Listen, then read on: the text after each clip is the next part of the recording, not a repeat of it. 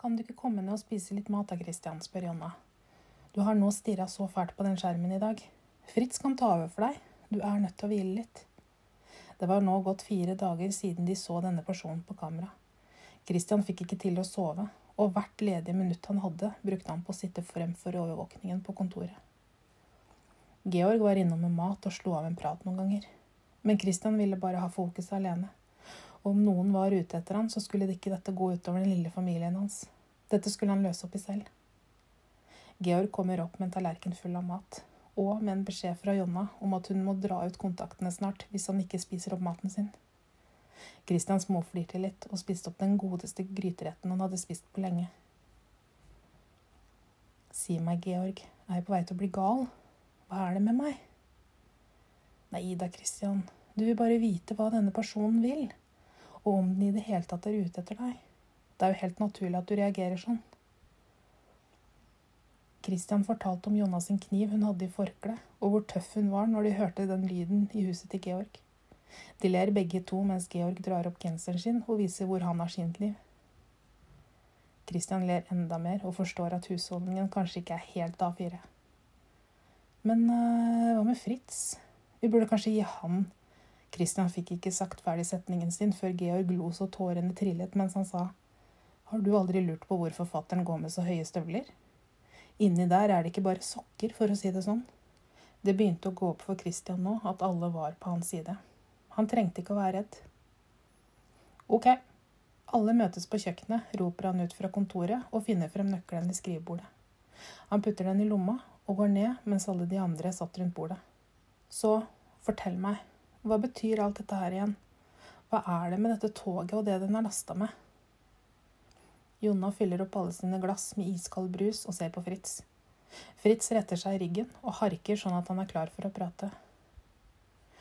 Vi, eh, vi får ikke gjort så mye før du har sagt hva du vil, sør. Det er du som må gi ordre. Ordre på hva? spør Christian. Nei, ordre på at vi skal sette i gang. Det Fritz prøver å si, er at du, Christian, må ta et valg snart, skyter Jonna inn. Du må snart velge hva du ønsker å gjøre med innholdet i toget. Oldefaren din ville spare det til en eventuell krig, men desto mer vi kjenner deg, desto mer ser vi at du ikke er på noen som helst måte lik han.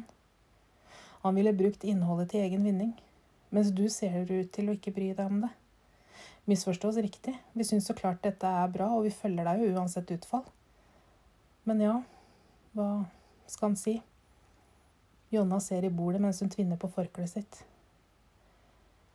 Det vi prøver å stable oss fram til her, sier Fritz, er at dette toget står et sted en ikke kommer til når vinteren er her. Hver høst kommer det folk hit fra organisasjonen som går over lik for å finne den. Alle vet at oldefaren din var den siste som hadde kart dit. Men jeg skjønner ikke. Hvem er denne organisasjonen, og hvorfor trenger de dette? spør Christian. Enkelt forklart. Det ligger en bombe der inne som kommer til å slå hatten av de på andre siden av jorda om den går av. Denne ønsker organisasjonen å få tak i, sånn at det kan slette ut folk og få overtaket. I tillegg ligger det en del penger og andre verdisaker der. Man kan vel kanskje si at de henger litt igjen etter krigen, sier Jonna. Og vi mener ingenting med å pushe deg, sier Fritz. Men det begynner å haste nå. Så denne personen vi så på kamera, er dette en person som tilhører denne organisasjonen, spør Georg. Ja, mest sannsynlig, sier Jonna. Christian lukker øynene sine og tar et dypt pust inn. Ok, da starter vi, da. Selv om jeg ikke vet hvor jeg skal starte. Fritz ser på han og sier ok, sør. Da kjører vi i gang. Jonna nikker og setter seg godt til rette. Fritz forteller om de tidligere høstene hvor det alltid kom en fra organisasjonen som utga seg for å være alt fra selger til snekker. De stilte spørsmål og var ubehagelig frekke men det var lett å se hvor de kom fra. Bak øret var de nemlig tatovert. En sort prikk som betydde at de var merka. Men hva gjorde du når de kom, da? spør Christian. Fritz ser lenge på han og vet ikke helt hva han skal svare.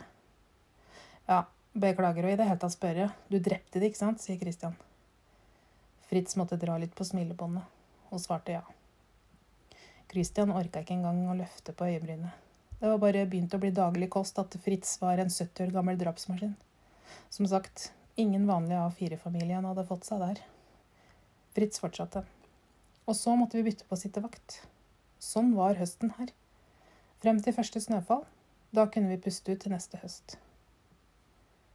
Men vent litt nå, sier Christian. Har dere sett flere enn denne personen? Nei, vi har bare observert én person, og det er denne som kom seg over gjerdet. Men det kommer flere. Det gjør alltid det. Ok, sier Christian. Men hva skal vi gjøre? Sprenge hele dritten til himmels? Det er opp til deg, det, sør, hva du ønsker å gjøre. Men hva skjer om jeg sprenger den, da? Hva skjer da? Nei, da er det jo ikke noe mer de trenger å lete etter, i hvert fall. Ok, men da gjør vi det sånn, sier Christian. Vi leter opp toget, ser hva vi kan ta med oss av ting, og så kvitter vi oss med det. Ok, sør.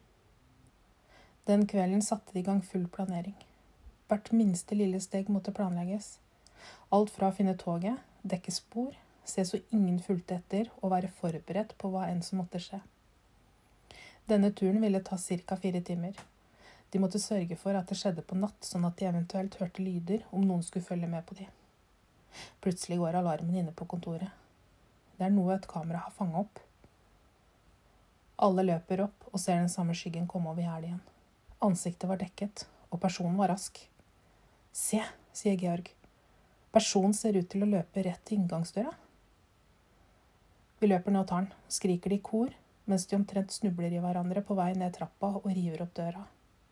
Personen står med ryggen mot dem. Christian stivner. Han ser godt hvem dette er. Personen snur seg sakte og viser ansiktet. Frank? Takk for at du har hørt på sesong to. Følg godt med til høsten. Da starter allerede sesong tre.